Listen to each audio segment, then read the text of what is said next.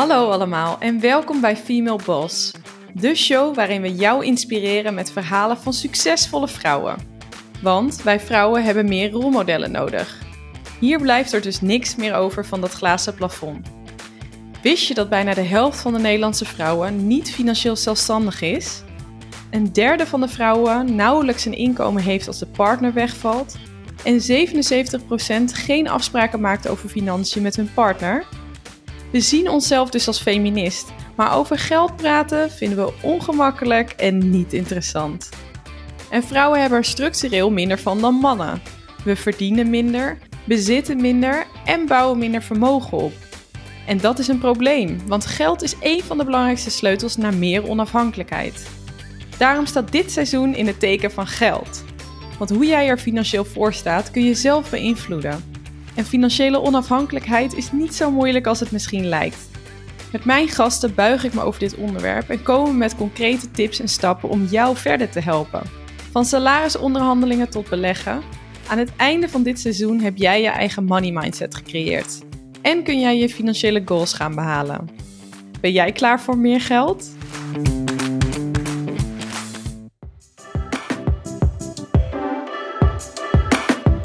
Huilend lag ze op de vloer van haar flatje. Ondanks een succesvolle carrière en een super welvarend leven, raakte Hanneke van Onna op haar 35ste failliet en bleef op haar 40ste berooid achter na een scheiding. Een alleenstaande moeder van drie kinderen. Geen geld, geen pensioen en geen plan. Daar was ze dan, rock bottom. In alles voelde ze dat het anders moest. En dat gebeurde. Drie jaar later was Hanneke financieel onafhankelijk. En acht jaar na haar dieptepunt was ze financieel vrij. Ze hoefde niet meer te werken en leefde van haar passieve inkomen. Dat bereikte ze vooral door slim te beleggen. Nu heeft ze twee boeken geschreven en helpt ze als moneycoach andere vrouwen naar financiële vrijheid. In dit interview leer je dan ook van Hanneke welke vijf mythes over geld jij moet verslaan om je eigen vermogen te laten groeien, wat financiële onafhankelijkheid is en hoe dit voor jou ook een mogelijkheid is. Door consistent en consequent te investeren, door niet voor spullen, maar bezittingen te kiezen en door de money game te snappen en te spelen. Wil jij ook je financiële positie verbeteren? Luister dan snel mee voor een goede dosis inspiratie en motivatie. Hey, Hanneke, wat superleuk dat je er bent. Ja, hi Amanda. Fijn dat ik uh, hier mag zijn. Ik ben heel benieuwd. We gaan meteen beginnen. Wie was vroeger een rolmodel voor jou? Um, een rolmodel. Dat vind ik best uh, lastig te beantwoorden, omdat ik uh, niet zo van de rolmodellen ben.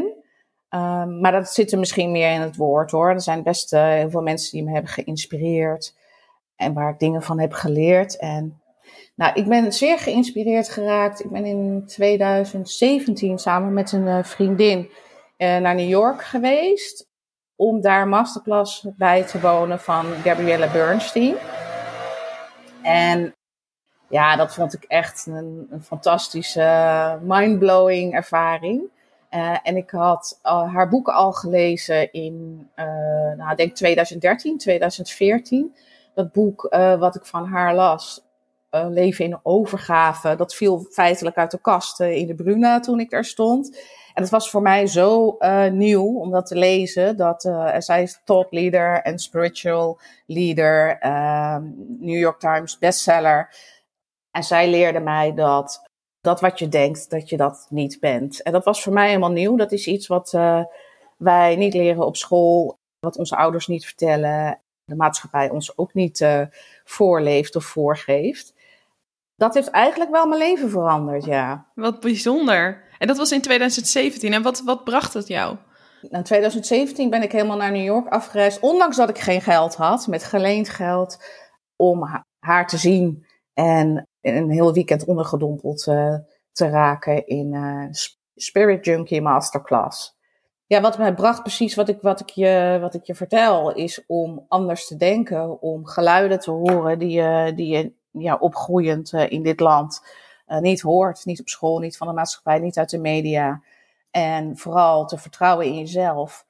dat alle wijsheid en alles wat je nodig hebt in het leven uh, in jou zit.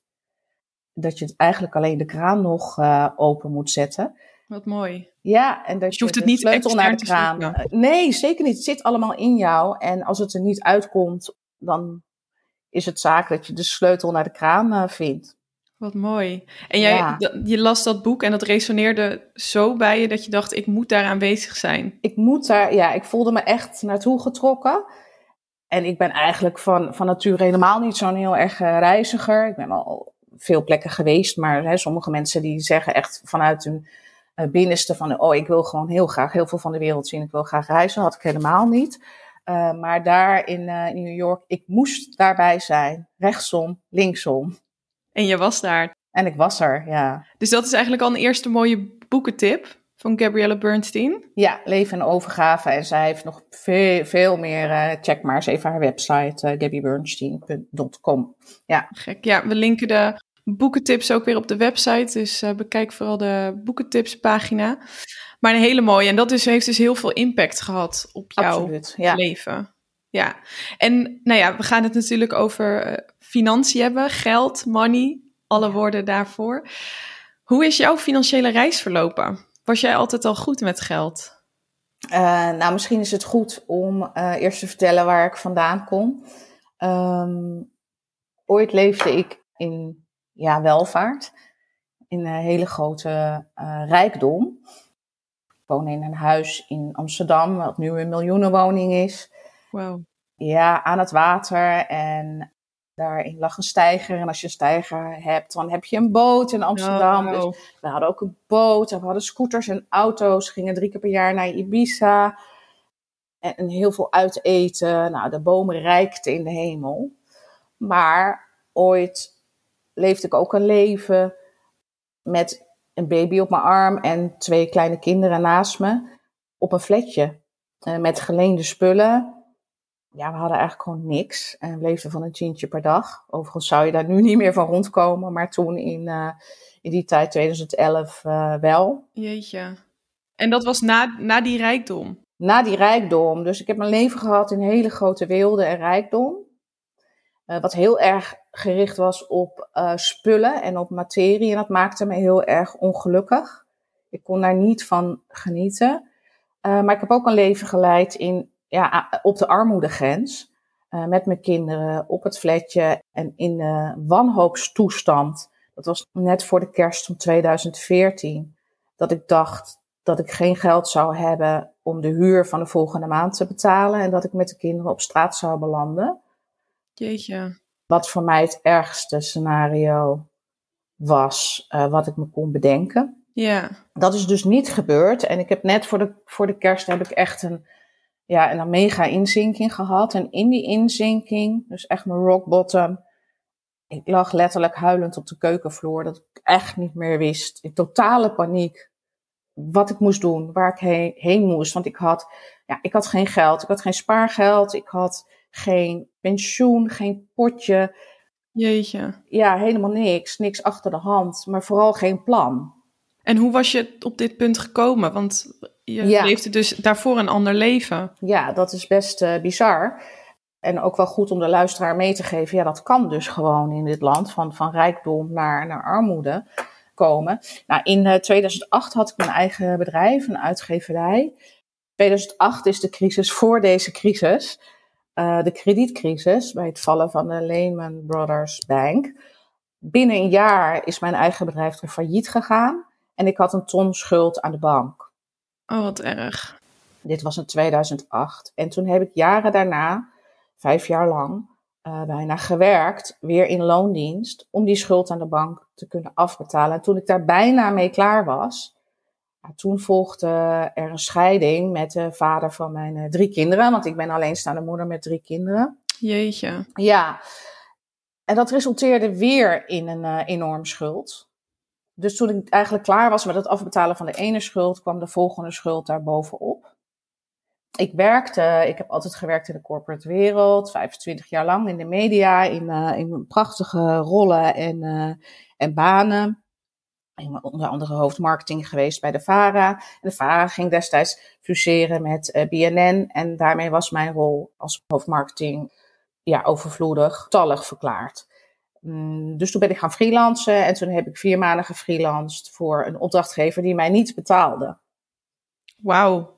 Ja, hoe ik dat ook nog heb volgehouden en steeds werd mij zand in de ogen gestrooid. Nee, het komt eraan. Komt, komt eraan. eraan. Ja, en toen kwam de klap. Toen had ik gewoon niks meer. En als je een track record hebt op je cv, zeg maar, als vrouw, en je komt opeens alleen voor te staan, dan heb je precies in dit land recht op niks. Wauw. Geen subsidie, geen toeslagen, geen urgentieverklaring voor een woning, helemaal niets. Omdat het gebaseerd is op het salaris uit het verleden. Jeetje. Ja. Dus in dat gat ben ik gevallen en dat, dat heeft een naam. Women Inc. heeft dat in kaart gebracht. En dat uh, zijn de zogenaamde NUG-vrouwen, de NUG-vrouwen. Dat zijn de niet uitkeringsgerechtigde vrouwen. En die groep wordt steeds groter. Terwijl die dus wel in een gat vallen, ook al lijkt het, kijken naar die historie, misschien dat het niet zou gebeuren. Maar dat klopt dus niet. Ja, dan val je dus in een gat omdat je dan recht hebt op niks. Na, ja, na een scheiding bijvoorbeeld. Of uh, baanverlies. Of plotseling, plotseling kan je of ziek worden of je baan verliezen. Of in een scheiding terechtkomen. Of overlijden van je partner daarmee geconfronteerd te worden dat soort tijdelijke armoedesituaties, daar, daar, ja, dat is niet goed ingeregeld in dit land. Nee, maar wat een heftige situatie voor jou. Dat je eerst op dat punt komt met die schulden, dat je dat je schouders eronder zet, dat je denkt, ik ga dit nu afbetalen.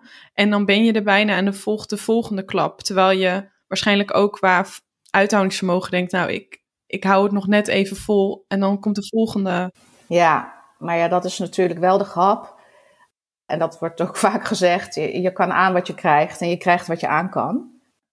En die, dat rock bottom moment voor mij toen ik huilend op de keukenvloer lag, uh, net voor de kerst in 2014, dat heeft mijn ogen geopend. Want ik lag dus op de grond en ik hoorde een soort stem in me komen of een gedachte. Maar ik voelde heel erg en ik, ja, ik wist, dit is niet mijn leven. There should be a better way. Er moet een andere manier zijn. Er is voor mij een andere manier. En ik ga het vanaf nu anders doen. Dus ik heb daar echt heel bewust een besluit genomen. Wat zo sterk is, wat echt een innerlijk commitment is. Naar jezelf. En dat ben ik tot op de dag van vandaag gaan leven. En dat besluit is, ik neem verantwoordelijkheid voor mezelf. Voor mijn gedrag. Voor mijn gedachten. En voor mijn portemonnee. En ik zorg ervoor dat er altijd geld is om mijn rekeningen te kunnen betalen. Voor een gevoel van geluk, voldoening voor mezelf en mijn kinderen. En dat, dat was dus echt een keerpunt. En echt een keerpunt, ja. Je zegt, nou, je sprak eigenlijk heel duidelijk met jezelf af: dit nooit meer. Vanaf nu gaan we het zo doen. Ja. En had je dan ook heel diep van binnen, voelde je dat, geloofde je ook in jezelf van: ik kan dit ook? Ik, ik wist het. Ja. Ja, want ik voelde van: dit is niet mijn leven. Nee. Dit ben ik niet. Ook als Weet je, als ik nu mijn verhaal vertel, mensen kennen me bijvoorbeeld van vroeger, van uit mijn studententijd of zo, die hebben echt zoiets, hè, Hanneke, jij? Nou echt, alleenstaande moeder, huilend op de keukenvloer, met helemaal niks, berooid, achtergebleven. Nou, iedereen, maar niet jij. Ja, toch. Ja. Dus laat het een wake-up call zijn. En ik noem het ook wel eens, uh, wel eens in een interview in de Volkskrant, en dat halen ze er dan natuurlijk meteen uit, uh, gezegd van, heel veel mensen zitten in een relatie en zijn dus eh, niet getrouwd, maar hebben daarom ook weinig op papier staan. In een relatie zitten is eigenlijk schijnveiligheid. Want je waant je veilig, want je maakt met elkaar afspraken, net zoals ik met mijn ex. Van uh, ja, nee, uh, je hoeft je geen pensioen, want jouw pensioen, dat zijn mijn zaken, zei mijn ex altijd. Ja. Totdat? Totdat het zover kwam. Toen was niks meer van mij. Ja. Dus dat is schijnveiligheid. En sterker nog, ik noem het ook wel eens Russisch roulette. Als je als vrouw, en zullen ook wel mannen zijn die in deze situatie zitten, je afhankelijk laat zijn van een partner of van je ouders of van de staat. En dat is wat ik heb, heb geleerd gaandeweg. Ja. Nou, vanaf dat moment ben ik gaan leren en gaan lezen over financiële onafhankelijkheid, financieel bewustzijn. En weet je, ik kon daarvoor geld verdienen als water, maar ik kon het ook uitgeven als water. Ik had eigenlijk nooit geld. En dat uitgeven van mijn geld, dat deed ik altijd aan waardeloze spullen, aan waardeloze mensen, uh, in het, om het gat van waardeloosheid in mezelf uh, daarmee te vullen.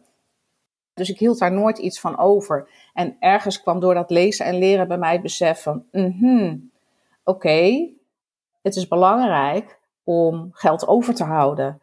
Om niet te investeren in spullen, maar in bezittingen. En bezittingen die middelen kunnen worden om daar weer geld mee te verdienen. Maar daar komen we vast nog uh, later op.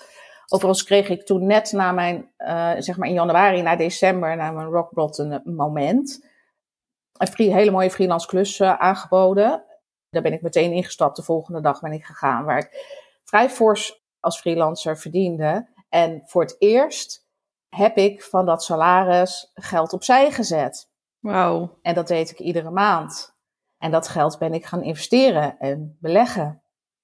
En zo ben ik langzaamaan eerst naar financiële onafhankelijkheid gegroeid. En op dit moment ben ik financieel vrij. En dat betekent dat je zoveel geld verdient zonder te werken. En dat dat je rekeningen en je hele leven betaalt. Wat mooi. Wat een waanzinnige reis. Ja, en heel mooi dat je dat net zegt, want het verschil tussen financiële onafhankelijkheid, dat betekent dus dat je niet leunt op een ander, maar dat je zelf kunt rondkomen. Ja. En financiële vrijheid is dat je eigenlijk vrij bent om te gaan en te staan waar je wil.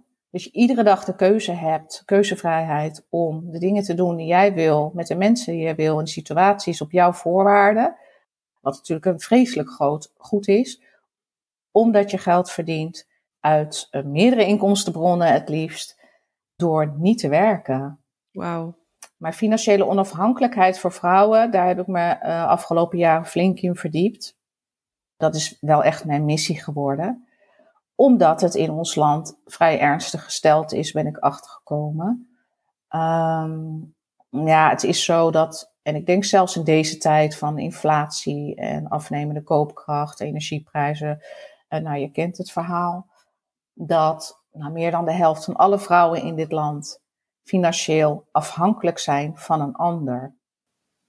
En is dat erg? Ik zeg altijd, ja, het maakt mij niet uit. Ik wil je alleen bewust maken van het feit dat dat dus echt suicide is. Want als je partner, om wat voor reden dan ook, denkt, ik stap eruit, deze relatie.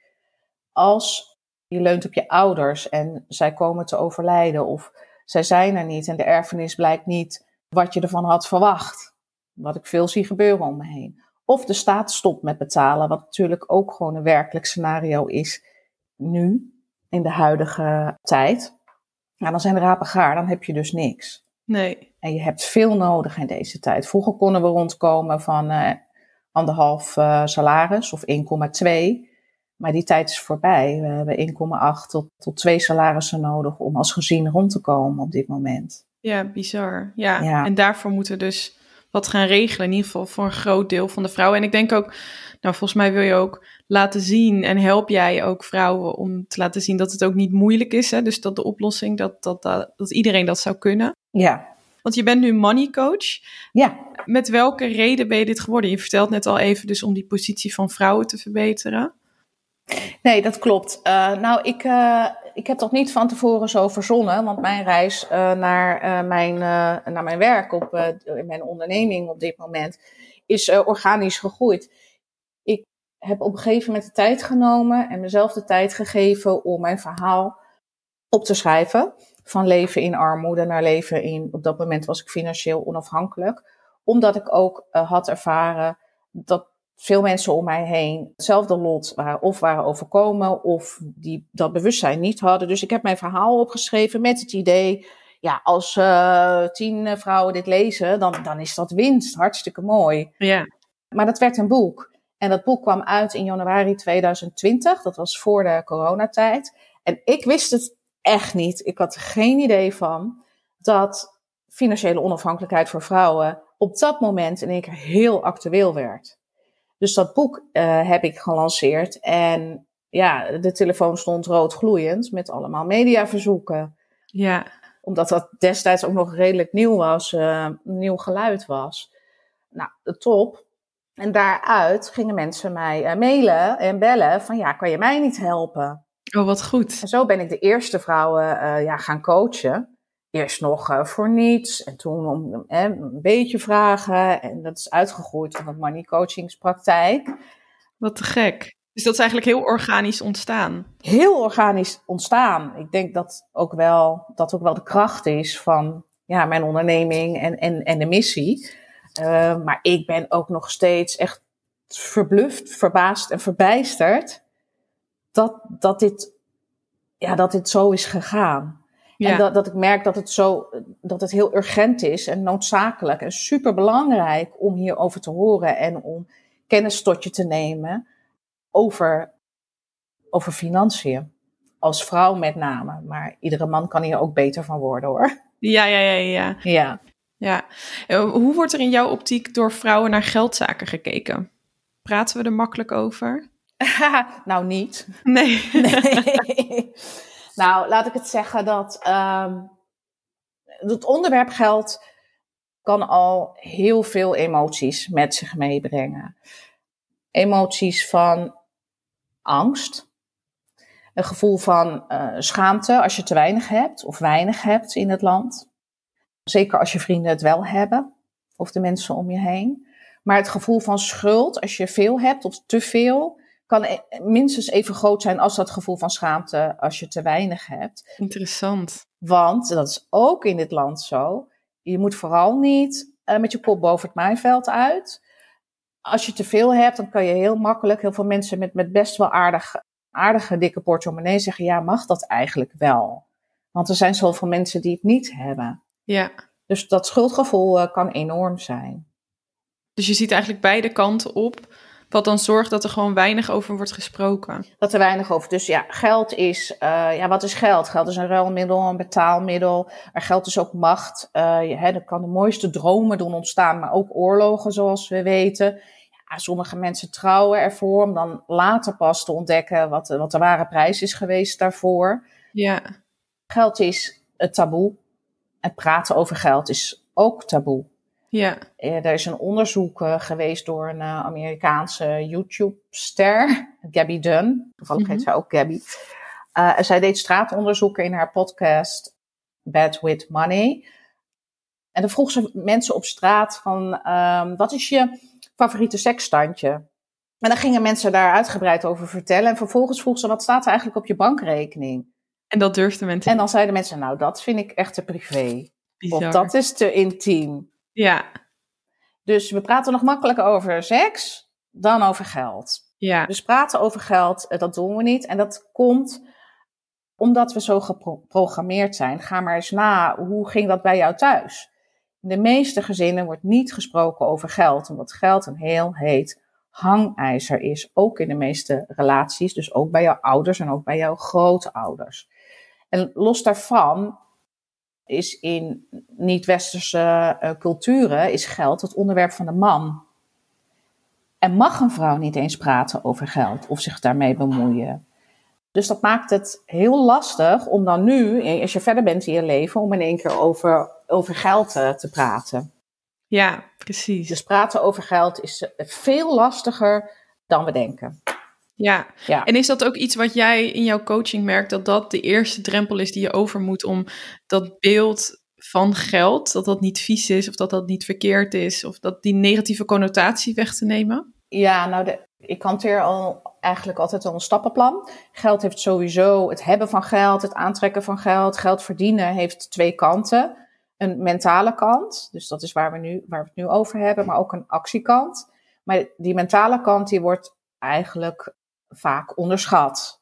Ik vind 80% van geld verdienen, van geld aantrekken, uh, maar zelfs ook van op een juiste manier beleggen, is innerlijk werk. En waar begin ik dan altijd mee? Dan zeg ik ook de sleutel uh, naar rijkdom of naar veel geld is niet zozeer wat je wel of niet doet met je geld. En eigenlijk ook niet wat je denkt over geld, maar hoe je voelt over geld. En hoe je je voelt over geld, dat leer je in je vroege jeugd als heel jong kind. Dat is wat je van je ouders meekrijgt of van je opvoeders. En zelfs wat zij weer van hun ouders hebben meegekregen. Ja. Mijn ouders zijn bijvoorbeeld allebei in de oorlog uh, geboren. En die hebben allebei in hun leven uh, angst voor verlies met zich meegetrokken. Wat ze allebei op een andere manier uiten. En mijn vader kwam uit een arbeidersgezin en mijn moeder kwam uit een ondernemersgezin. En die twee mensen kwamen samen, dus er was eigenlijk een hele grote disbalans als het over geld ging. Ja. Dus er werd nooit gepraat bij ons thuis over geld. Wel voelde ik, ja, er is iets mee. Het is heel geheim, mystiek, het is mysterieus, maar het is ook iets wat niet helemaal goed is. Dat voelde ik ook wel. En ik leerde dus als kind al van over geld hoor je niet te praten. Ja. Ander ding wat ik dus voelde was geld is moeilijk. Wat ik ook nog eens extra hoorde van mijn ouders, zeiden je moet heel hard werken voor je geld. Als je geld wil hebben, dan moet je in één ding goed worden. En dan moet je heel hard werken. En als je dan heel hard werkt, dan heb je geld. En als je dan het geld hebt, dan heb je succes. Dan ben je succesvol in dit leven. Dus de overtuiging die ik ben gaan leven en vele, vele met mij is hard werken staat gelijk aan geld, staat gelijk aan succes. Heel herkenbaar. Ja. En dat is toch denk ik wel een van de belangrijkste overtuigingen die ik tegenkom. Ook bij ondernemers die ik help met terugbare verdienmodellen, met omzet maken en vooral ook meer winst over te houden dat je niet per se hard hoeft te werken. Ik heb 25 jaar lang keihard gebikkeld. Productiviteit was my middle name. Mm Inmiddels niet meer. Probeer ik slim te werken en het liefst zo min mogelijk. Ja, en dat brengt je in ieder geval financieel gezien, heeft dat je meer opgeleverd dan jou in jouw werkzame leven hiervoor? Absoluut. Ja, bizar. Is een mooie leerschool geweest. Ik heb de beste, mooiste banen van de wereld mogen hebben. Uh, maar het heeft me heel veel stress gegeven. Ook. En is misschien ook wel de leeftijd, hè, dat zoiets komt met de leeftijd. Want ik vind niet dat je moet stoppen moet werken, dat je vooral minder moet gaan werken. Ik vind zeker als je jong bent, kun je in het werkende leven gewoon heel veel leren. Dat moet je leren. En vooral moet je ook leren dat het niet altijd leuk hoeft te zijn. Mm Dat is wat ik veel om me heen zie, vooral bij jonge mensen. Ja, het moet wel allemaal leuk zijn. Ja, ik vind het niet zo leuk. Ja, ja leuk is geen drijfveer, zeg ik altijd maar. Ja. Maar leer daarvan. Wat voel je daarbij? Hoe wil je dat het wel is? Hoe vind je dan werk wat helemaal bij jou past? En dat is een traject op zich, denk ik. Ja, en hoe is jouw gevoel nu, nu je financieel vrij bent ten opzichte van jouw eerdere leven, noem ik het maar even? Ja, dat, ik vind dat heel, heel bizar. Zodra de kramp eraf is, Zodra je geen zorgen meer hebt over geld, geen stress meer hebt over geld, dan kun je vrij ondernemen. Dus het gaat heel erg op mijn voorwaarden. Het is precies zoals ik denk dat vandaag, hoe ik denk dat het goed is. Dus ik ben ook wel wars van uh, conventies en ik doe het gewoon zoals ik denk dat het goed is. Sinds ik dat doe, sinds ik dus ook nee verkoop, uh, als ik voel van nou, ik vind uh, deze partij, dat voelt gewoon niet zo goed komt het werk ja, komt op me af. En het geld ook met bakken. Waanzinnig. Dus echt denken in overvloed. Ja, dat is echt zo'n idiote contradictie. Maar het is echt zo. Ik heb hier een boek wat ik nu aan het lezen ben, maar waar ik ook wel veel uit uh, citeer. En ik lees het nu voor de tweede, derde keer. Het boek heet Rijkdom. Dat is een beetje een idiote vertaling uh, uit het Engels. Want het uh, komt van vraag en het is gegeven, ask and it's been giving. Mm Door Esther en Jerry Hicks. En zij gebruiken het werk van Abraham Hicks. Wat oud is, maar nog steeds rete accuraat. En dat gaat over als je durft te vragen, als je het in je geestesoog durft te zien, dan komt het naar je toe. Wat mooi. Ja. En hoe pas jij dat nu in je dagelijks leven toe? Uh, nou, wat ik altijd, of nou altijd, sinds ik uh, Gabby Bernstein heb ontdekt, is dat ik dingen als dankbaarheid betrachten. Iedere ochtend, iedere avond doe. Ik heb wel een, elke lijntje met het, uh, zonder dat ik mega spiritueel ben of zo, maar ik heb wel een lijntje met het universum. Ik kan echt, ik vraag ook mezelf altijd van, is dit oké? En dan voel ik het in mijn lichaam. Doe ik het wel, doe ik het niet? op het moment, als we even terug naar geld gaan, op het moment dat ik een groot bedrag moet betalen, dat weten mensen ook wel die me kennen. Want dan zeg ik, ho, ho, wacht even, wacht even. Nog niet. En dan richt ik me even tot het universum. Dus ik zeg altijd, pray before you pay. Mooi. Dat ik vraag of dit geld een goede bestemming kan krijgen. En dan kijk je wat voor gevoel dat je geeft en of je het wel of niet doet. Ja. Dus dat is heel echt de gevoelskant. En aan de andere kant ben ik financieel vrij geworden door beleggen. En dat is natuurlijk gewoon een hele rationele actiekant. Wat overigens ook helemaal niet, uh, niet moeilijk is. Nee, want kan je daar iets meer over vertellen, hoe dat is gegaan? Ja, uh, nou toen ik in 2014 dus uh, aan de grond belandde, ben ik daarna gaan freelancen. En het geld wat ik iedere maand mezelf gaf, kwam allereerst op een spaarrekening. En toen dacht ik, ja, het staat maar op die spaarrekening. Ik wil daar wel wat mee. Ik denk dat ik ook wel geld voor me kan laten werken. Dus ik heb toen bedacht, ik ga beleggen. Maar waar begin je dan? Dat is natuurlijk heel lastig. En dat is ook in, in deze tijd, hè, we worden natuurlijk echt uh, doodgegooid op social. Met, nou, dan moet je NFT's, dan moet je crypto, dan, dan moet je goud en zilver en dan Forex. Nou, je weet waarschijnlijk niet eens uh, waar het allemaal voor staat. En ik kan me voorstellen dat je er heel onrustig van wordt. Dus da, da, dat is ook de reden dat ik uh, trainingen geef en cursussen om het hele beleggingsspectrum gewoon uit te leggen. Wat je allemaal hebt, waarom het er is, wat de werking ervan is, wat de werking van geld is, wat, waarom Bitcoin bijvoorbeeld is gekomen uh, en waarom het een revolutie betreft. Nou, dat soort dingen. Maar ik heb toen een, uh, iemand gesproken, een, een financiële man, die ik overigens best aardig moest betalen. Maar dat maakte mij even niet uit, want het zijn mijn best betaalde centen geweest. En ik heb zijn advies opgevolgd en ben ik gewoon mijn eerste geld gaan investeren in best hoog rendementsbeleggingen.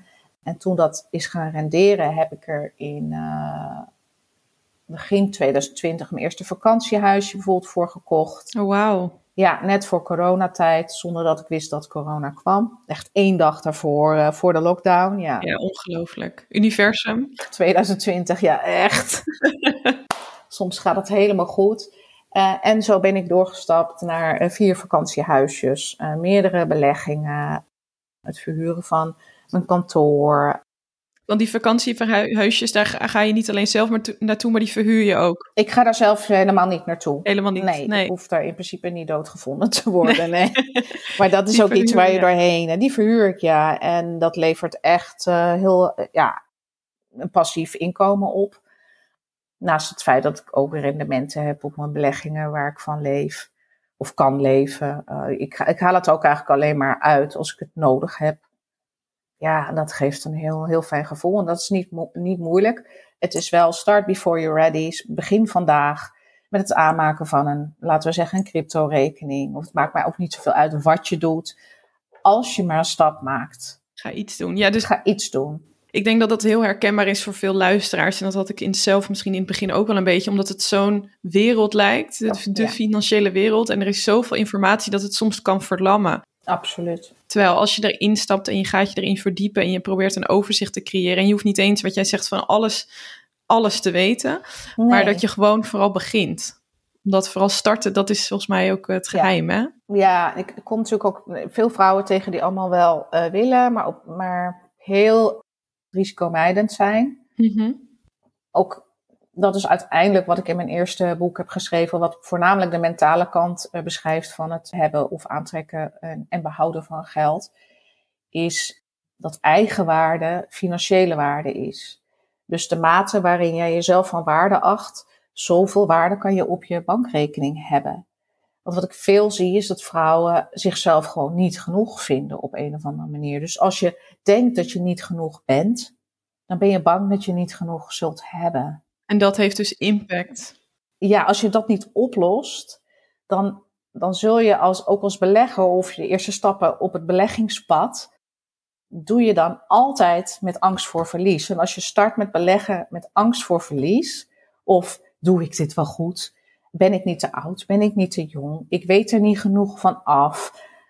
ik heb heel weinig geld, moet ik dat dan eigenlijk wel daarin stoppen? Het zijn barre tijden, misschien heb ik het volgende week wel nodig voor de boodschappen. Nou, al dat soort ja, obstakels die jezelf dus in die kramp houdt, in die rat race, hebben te maken met of je jezelf wel goed genoeg vindt.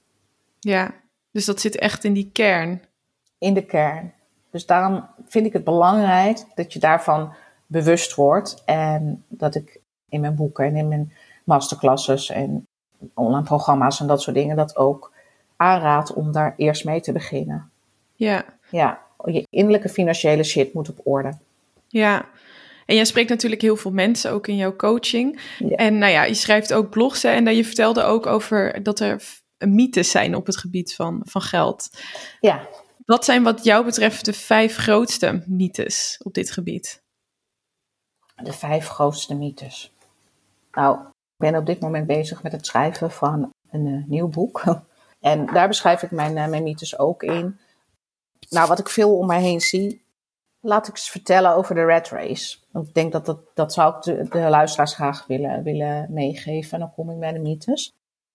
Wat wij allemaal zijn gaan geloven en wat we allemaal leven, is het volgende. En wat je dus hoort op school, dat is, doe goed je best op school, dan haal je goede cijfers. En als je goede cijfers hebt, dan krijg je een goede baan. En heb je die goede baan, dan is het een soort van holy grail, gebaseerd op de American Dream ook, uh, koop een huis. Ja. Dus dan koop je dat huis, wat in mijn beleving dus eigenlijk een schuld is. Mm En dan heb je dat huis. Het volgende is, dan zoek een goede partner die in dat huis erbij kan. En bijvoorbeeld een partner die ook een, uh, een goede baan heeft. Ja. Uh, dus dan heb je twee salarissen. En de partner komt erbij. Uh, en vaak is het eerste wat dan gebeurt, dat er een groter huis aangeschaft moet worden. Wat dan dus eigenlijk een grotere schuld is. En dan is het devies, dan krijg je kinderen. Eerst één kind, hopelijk als het je gegeven is een tweede. Maar dan komen de kosten bij kijken, want de kinderopvang moet betaald worden. Er komt een tweede auto, want dat is niet meer handig, één auto met twee kinderen. Ja. ja. Dus zo kan het zijn dat dan, zo gebeurt het, dat je levensstijl dus meegooit met je salaris. Ja. Dat noem ik de levensstijlgriep overigens, want daar Mm. lijden we allemaal een beetje aan. Dus dat je levensstijl eh, exclusiever, kwalitatiever wordt naarmate je salaris groeit. Alleen, alleen wat gebeurt er dan? Dan zegt de man tegen de vrouw doorgaans, soms is het andersom, schat, ga jij maar wat minder werken. Dan kan jij wat meer bij de kinderen blijven, zorg ik voor het salaris en het inkomen en het huis. En dan uh, kun jij wat meer thuis zijn. En zo ga je dus van twee salarissen naar anderhalf of 1,2 of in ieder geval minder. En dan is het in één keer, wordt het krap. Ja. Wat ik veel zie, ik woon in Amsterdam, op Eiburg, en dan zijn heel veel hele grote huizen. In die huizen wonen doorgaans mensen met twee auto's voor de deur, een flinke hypotheek, maar die niet op vakantie kunnen omdat hun vaste lasten, hun lasten te zwaar zijn. En dat is de red race van het leven waar we allemaal in vastlopen, omdat dit is wat de maatschappij ons voorspiegelt. Koop dat huis, koop een groter huis. Je moet meedoen. Je vrienden doen dat ook waarmee je gestudeerd hebt om te gaan sporten. Om een, mannen krijgen dan een exotische hobby als uh, fietsen of vissen of gamen. Of zijn fan van een of andere uh, verre weg uh, voetbalclub waar shirts van moeten komen en tickets. En, Heerlijk. En mannen moeten dan ook alle gear in één keer aanschaffen. Dat Ja. herken je misschien wel. Vrouwen gaan compulsief shoppen of geld uitgeven aan is in één keer ook allemaal nodig. Nagels, haar, schoonheidsspecialisten, uh, make-up producten, cosmetica. Het vervelende is, dat als je daar eenmaal in zit, kan je moeilijk terug. Ja, want je leven is in deze vorm opgebouwd. Ja. Dus levensstijl, griep. Ja, waar je ook aan dood kan gaan. Dus, uh, dus de grootste mythe is, een huis kopen is beter dan huren. Ik heb geen huis. Ik huur een huis, wat voor mij flexibiliteit is. En ik heb geen schuld. Ik kan ieder moment beslissen om daar weg te gaan en naar een andere plek te gaan. Ja, Of dat nou per se het handigste is, dat weet ik niet. We hebben natuurlijk een periode gehad van jaar na jaar na jaar na jaar dat het hebben van vastgoed je waarde gaf, omdat het huis nou eenmaal meer waard werd. Die Mhm. tijd is nu voorbij. Die kanteling zien we nu al. Dus een huis kopen is een schuld. En wil je financieel vrij worden, moet je zo snel mogelijk van je schulden af. Ik hoor, ja, mensen om me heen die huren, hoor ik, ik noem het ook maar huurschaamte. Mhm. Mensen die dat huis niet kunnen kopen, zeggen, ja, ja, nee, ik woon, ja, s- s- niet vertellen, ik woon gehuurd. Ik heb een huurhuis. Dan zeg ik, oh, way to go girl, helemaal Ja. goed. Ja, Dat zijn natuurlijk heel veel mensen, ook in deze tijd, omdat het ook heel moeilijk is om een huis te kopen, zitten heel veel mensen inderdaad in die situatie die het misschien het beeld hebben dat het anders zou moeten. Terwijl jij eigenlijk nu ook aangeeft dat hoeft niet per se. Dat is meer het beeld dat we opgelegd krijgen. nee, dat klopt. Ja. Nou, of dan is er nog een mythe, je moet rijk zijn om te investeren. Nou, dat is natuurlijk echt de grootste bullcrap die je maar kunt voorstellen. Je Ja. kan al beginnen met een tientje per maand. Het gaat mij erom dat je dat tientje per maand onttrekt aan je, aan je boekhouding. Ja, en structureel ook. Structureel. Ja, en dat heb jij dus laten zien in jouw voorbeeld. Dat je, want Ja. jij had niet veel toen.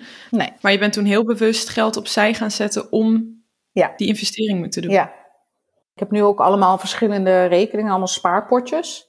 Een spaarpotje voor een safety net. Hoeveel heb ik eigenlijk nodig als alles tegelijk stuk gaat? Ja, Dus de tv en de auto. dat is wel een must-have, hè? Dat is een must-have. eh, maar over het algemeen zijn wij Nederlanders één oververzekerd. Echt. Daar kan je sowieso op bezuinigen. Doe maar eens een belrondje. Zijn we oververzekerd. Mm, maar hebben we ook een veel te grote buffer. Ik hoor mensen met buffers van 50.000 euro. Ja, sorry. Maar dat heb je gewoon echt niet nodig. Zeker als je weet dat je geld op de bank staat te verdampen. Ja, Je geld op de bank wordt minder waard onder invloed van negatieve rente eh, en belasting. ja, Ja. absoluut. En dat is natuurlijk ook een oud denken. Dat we Dat dachten dat het een daar oud- veilig staat en, eh, en meer wordt. Maar dat is niet ja, meer een zo. spaarrekening is een veilige plek voor je geld. Nou, dat Ja. is een mythe 5. Ja. Ja, precies. ja, ik probeer zo min mogelijk geld op mijn spaarrekening te hebben. Ik heb daar 5000 euro eh, staan voor als alles tegelijk stuk gaat. Of, Dat is echt een mindset change, denk ik, voor veel mensen ook die luisteren. Dat je denkt, ja, wij zijn wel zo opgevoed met onze ouders, omdat het toen ook nog bijdroeg aan je vermogen om het weg te zetten. En dan had je daar, kreeg je daar rente voor, sparen, voor je ja. spaargeld. Maar nu is de wereld zo anders. Maar dat is dus de, ja, hoe we opgevoed zijn, wat je net al vertelde. Dat is zo'n verandering. Sparen is een deugd. Dat is, eh, dat is een overtuiging die bij ons echt ingeramd is. Ja, en die overtuiging veranderen, dat is dus... Ja, nou zeg ik niet dat je geld niet moet sparen, dat, dat je dus je geld moet uitgeven. Mhm. Nee, Maar geld op je spaarrekening, dat is op dit moment geen vruchtbare plek voor je geld. Daar ga je niet financieel vrij van worden. nee. En die kramp, ja, daar, zitten, daar, daar zit zoveel mensen in. Ik zeg dan wel, hè, als je bij mij komt voor, een- voor een programma of wat dan ook, dan denk ik, nou oké, hoeveel spaargeld heb je dan op je rekening? Ik zal het niet doorvertellen, doe ik ook echt niet. Nee. Eh, en dan zeggen mensen wel eens, nou niet zoveel hoor, eh, 2,5 ton. Wat? Ja. ja. En dat is zonde. Ja, Maar ook, eh, eh, ja, wat ik zeg, ik heb 5000 euro op mijn spaarrekening. Mijn geld staat dan, staat dan liever op mijn crypto-rekening. En daar keer ik mezelf eh, van uit als ik het nodig heb. Of als die vakantie betaald moet worden. Of, eh, ja. en dat, kan 20, daarvoor- dat is 24-7. Ik ben sowieso enorme fan van, van de blockchain. Omdat ik wat weerstand heb tegen het traditionele banksysteem. Dat is overigens een hele andere discussie waar, denk ik, waar we nu niet in moeten verzanden. Maar daarom is de blockchain gecreëerd en daarom is cryptocurrency gekomen als tegengeluid tegen de eh, oude economie. Ja, En, hoe bizar is het dat de bank eh, een weekend lang jouw geld vasthoudt, omdat de bank nou eenmaal dicht gaat, dus dat er geen transacties plaatsvinden. Dat kan je toch niet meer bedenken in deze tijd, in deze Nee. digitale tijdperk. Dus Maar jij zet dan een altijd- blockchain-rekening, zodat je het er makkelijker af kunt halen. En ook omdat het... Nou, omdat het eh, gedecentraliseerd is, is het niemand die controleert, zoals de bank bijvoorbeeld, of ik het wel juist overmaak en naar wie ik het overmaak. Mhm, laat ik zeggen, Robert, Robert Kiyosaki. Die Mhm. heeft het boek geschreven, Rich Dad, Poor Dad. Wat een must-read is voor iedereen, iedereen, iedereen. Ook al heb je even niks met geld. Lees Rijke Pa, Arme Pa van Ja, Robert fantastisch Kiyosaki. boek. Ja, Nou, Hij zegt, eh, we hebben drie soorten geld in de wereld. En dat is government money, dus het geld van de overheid. De overheid controleert het geld. Dat is, zijn de euro's, nou, laten we zeggen allereerst de dollars, maar ook de e-, euro's. Dus alle fysieke valuta die we kennen van oudsher. Mm Government money, met overheidsbemoeienis. Dat wordt dus ook te pas en te onpas bijgeprint. Ja. Als we het even niet meer hebben, zoals in de coronacrisis, worden de biljoenen, biljoenen, biljoenen bijgeprint. Nou, je weet zelf, als je van iets meer hebt, dan is het minder waard. Dus dat, dat is de reden waarom, onze, uh, waarom de koopkracht van de euro en de dollar zoveel afneemt. Mm Government's money. Tweede heb je God's money. En God's money is dat wat de wereld ons, de natuur ons heeft geschonken. Dat zijn grondstoffen, goud en zilver. Nou, je weet wat er nu gebeurt met grondstoffen, met olie, met de benzine, met gas. Ja. Als iets schaars wordt, dan wordt het meer waard. Dus God's money, dat is goed om daarin te investeren, want dat wordt steeds meer waard. Ja. Dat wordt steeds schaarser, wat tevens ons, ook onze uitdaging is voor de komende jaren. En dan heb je als laatste people's money. En people's money is bijvoorbeeld cryptocurrency op de blockchain. Alles wat op de blockchain plaatsvindt. Want er is niemand die het controleert, alleen de mensen zelf, wij zelf. En dat is de transformatie, de financiële transformatie waar we op dit moment uh, in zitten met elkaar. Ja, dus dat hele stuk eigenlijk. Dus hè, dat, dat was uh, uh, mythe nummer drie, dat sparen op je spaarrekening niet meer de beste vorm is. Klopt. Ja. Ja, wat ik ook wel vaak hoor, dat is ook een mythe. Ik verdien niet genoeg om te sparen. Oh ja. Ben je het niet mee eens? Ja, in sommige gevallen kan het waar zijn. Maar in niet veel en waarschijnlijk ook niet in jouw geval. Er zijn mensen met salarissen met, uh, met zes nullen die helemaal niks overhouden aan het eind van de maand. Nee, en jij had dat dus zelf ook, hè? Je, toch, je zei volgens mij, toen je vertelde over je eerdere leven, dat je gaf het vooral uit. Ik kon echt, uh, ik heb wel eens gewoon duizend uh, euro of gulden, was het denk ik in die tijd nog, gewoon in de lunchpauze van mijn werk uh, uitgegeven. Omdat wow. ik helemaal bij een winkelcentrum werkte en ik ging even een broodje halen.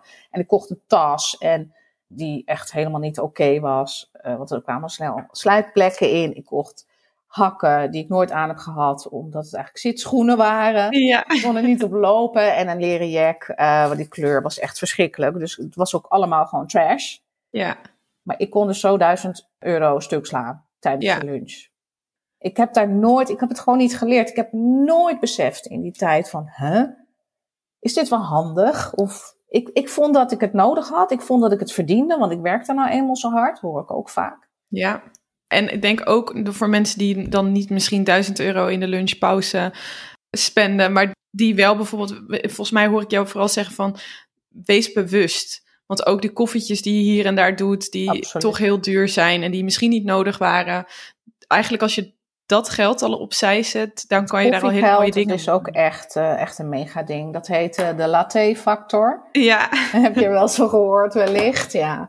Ja. Een koffietje bij de koffiecompany of de Bagels and Beans of waar je het dan ook komt, bij de Starbucks. Ja, die kost natuurlijk gewoon zomaar uh, 4, 5 euro als je er nog een muffintje bij, uh, nou meer denk ik. Ja. Dan doe je dat vier, vijf keer per week. Nou, reken het uit. Ja, dus dat geld, als je naar dat, dat is echt levensstijlgriep, is dat, ja. Ja, dus jij zou ook adviseren van kijk naar je uitgavenpatroon en ja. kijk welke dingen misschien overbodig zijn. Nou, het, het, het, het, heeft twee kanten, het uitgavenpatroon. Nou, één is, uh, kijk waar je oververzekerd bent. Kijk naar je abonnementen, weet je, die sportschool waar je gewoon nooit naartoe gaat. Uh, toch dat abonnement hebt uh, afgesloten. Ik ben sowieso heel huiverig voor het afsluiten van abonnementen. Doe ik zo min mogelijk, want dat is natuurlijk afhankelijkheid. Hè? En dat ja. is wat bedrijven willen. Ja, afhankelijk maken. Die voedselbox, nou, dat, daar zitten mensen toch een partij aan vast, terwijl ze het niet gebruiken.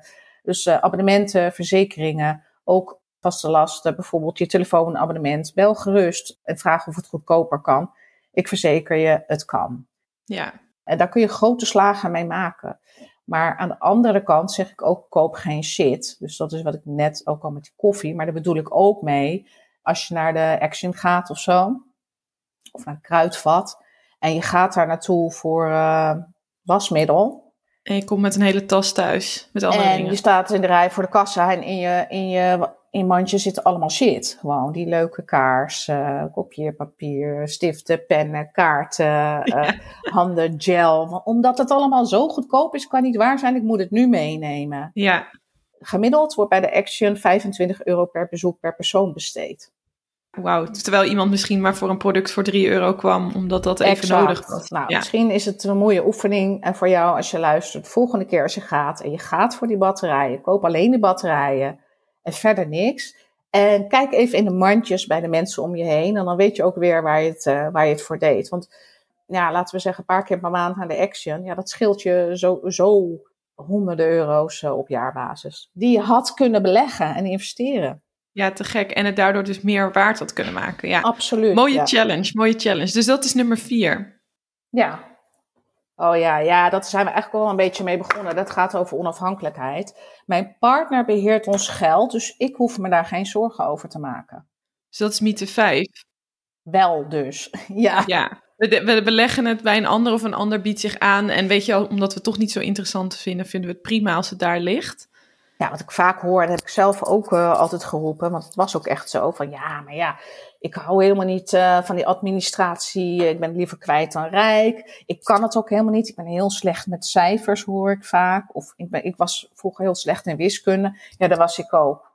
Ik had volgens mij een uh, 3,3 voor mijn centraal schriftelijk. Ja. Ja, en dat heb ik de rest van mijn leven daarna volgehouden. Ik ben heel slecht in wiskunde en met cijfers. Ik hoef dat allemaal niet te weten. Maar daarmee geef je dus de regie uit handen aan een ander. En voor de ander is het ook niet fijn hè, dat de hele boekhouding over de huishouding op haar of zijn schouders rust. Ja. Ook als er dan even iets misgaat, dan, dan heb je ook meteen een dader-slachtofferverhouding. Ja, je moet dat echt niet willen. Dus ga dat gesprek aan maandelijks of zo. Plan eventjes een uh, financieel uurtje in met elkaar. Ja. Loop even door van, hey, is dit nog wat we hebben afgesproken? Klopt dat nog? Ja. Zullen we naar rato van inkomen de boel verdelen? Uh, misschien is het leuk om samen een gezamenlijk spaardoel te hebben voor een, voor een reis of voor een huwelijk of voor een huis. Of, en zullen we dat dan iedere, iedere maand even monitoren samen? Weet je, het hoeft geen moeilijk gesprek te zijn. Precies, het hoeft niet negatief te zijn, Helemaal maar je bent niet. partners, maar je bent dus ook een volwaardig individu. Dus ook Absoluut. gewoon naar jezelf nou ja, aangeven van dit is belangrijk. En wat jij zegt, ook niet het geloof hebben van oh, ik kan het niet. Want dat is ook het stempel wat je jezelf geeft. Wat nee. jij zei nou met wiskunde. Iedereen kan dit. Iedereen ja, dat, kan zich nee, dat staat gewoon op, op je, op je banken-app feitelijk. Ja. Het wordt je zo makkelijk gemaakt tegenwoordig. Ja. ja. hey, wat mooi. Dus dit zijn die vijf mythes en die bespreek jij ook in jouw nieuwe boek. Wat, wat ja. doe jij met die mythes? Ja, ze ontkrachten en kijken hoe het, hoe het wel kan. En mijn nieuwe boek heet Geldgeheim. En in tien geheime lessen loods ik je naar uh, financiële vrijheid. En hoe dat pad voor jou, uh, net zo goed als dat voor mij heeft gedaan, kan verlopen. Waanzinnig, waanzinnig. En die ja. moet nog uitkomen, maar... Moet nog uitkomen. Die nu, kan uh, wel al voorgesteld worden. vandaag op, op 1 juni. Mooie datum. Um, vanaf 15 juni kan die besteld worden in pre-order.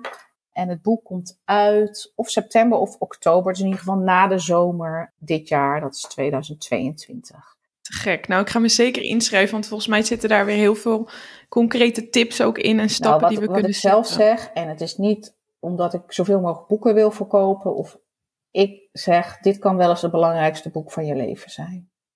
Net zoals met jou, dat een hele belangrijke verandering Absoluut. was. Absoluut. Ik had zo graag gewild dat ik het eerder had geweten in mijn leven. Ja. Dan had ik het echt anders gedaan. Ik wil oh, zeker ook jonge mensen dit, uh, dit meegeven. Ja, ik heb vorige week uh, mijn laatste fysieke masterclass gehad. Daar heb ik er vijf van gedaan in een, in een groep. Daar stop ik nu mee omdat ik ook een online programma ga lanceren. Allerlaatste keer, de vijfde keer, zei uh, na afloop één deelnemster. Deze dag heeft mijn leven veranderd. Nou, wow. mooier compliment kan je toch ook niet krijgen. En dat is precies waar ik het voor doe. Dus al lees je het boek niet meteen, lees je het in stukjes, leg je het weg, pak je er nog, het nog een keer bij. Ik denk dat het een must-read is. Ja, te gek. Nou, super. Dus daar kunnen we naar uitkijken. Zeker. En dus ja. alvast registreren om uh, op de hoogte gehouden worden van de lancering. Hey, iedereen die nu luistert, die is natuurlijk helemaal enthousiast gemaakt door jouw verhaal. En ook hoop gekregen, hoop ik, door, nou ja, weet je, dat je vanuit een bepaald punt waarin je geen uitweg ziet, dat je toch weer alles kunt opbouwen en kijk waar, je, waar jij nu staat.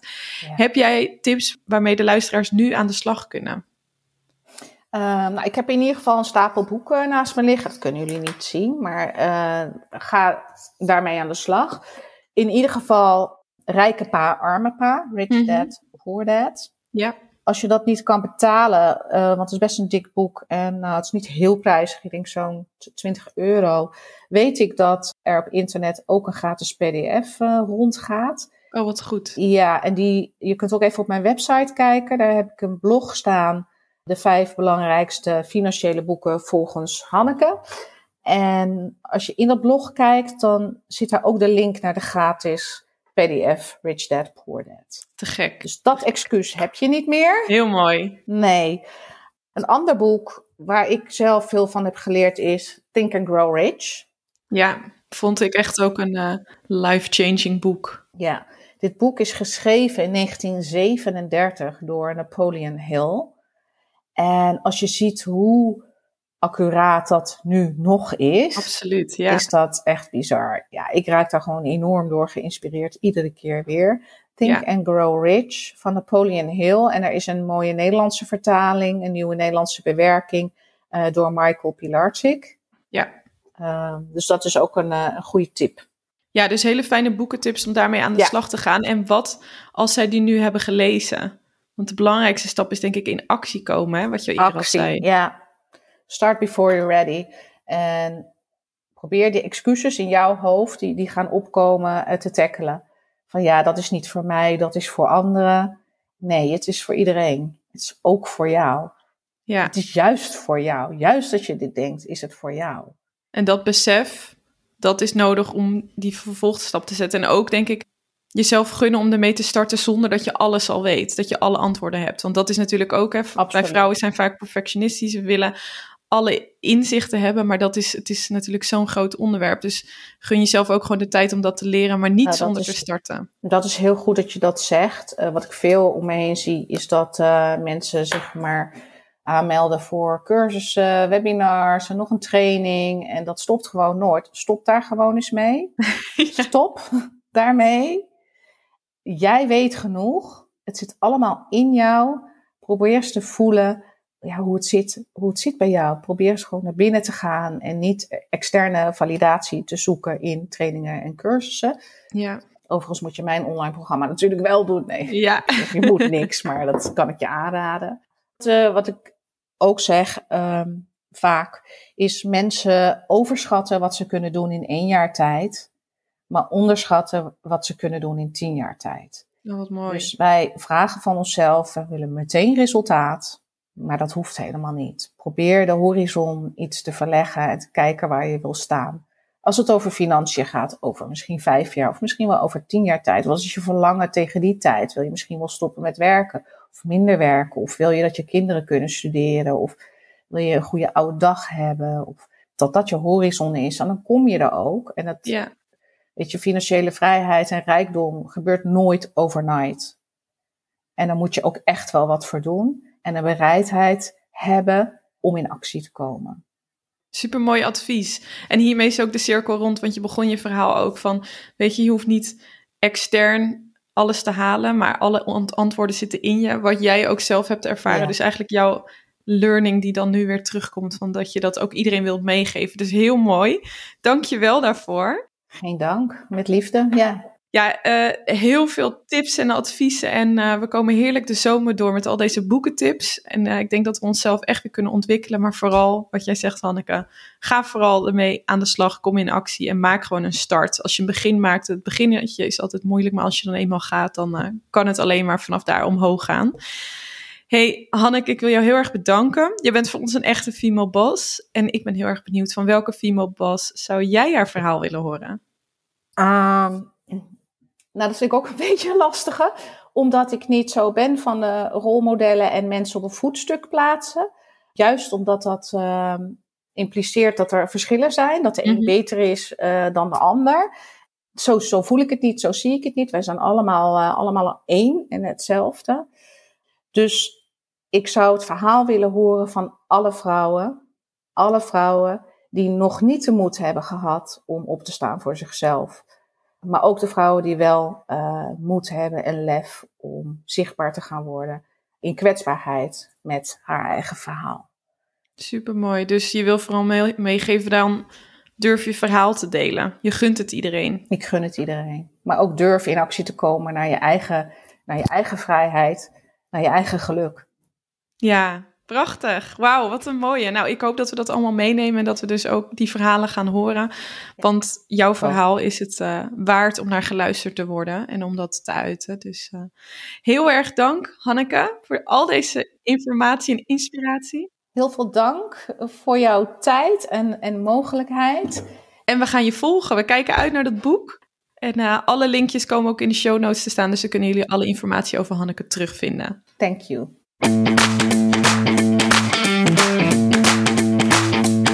Ben jij weer een stap dichter bij je inner female boss gekomen?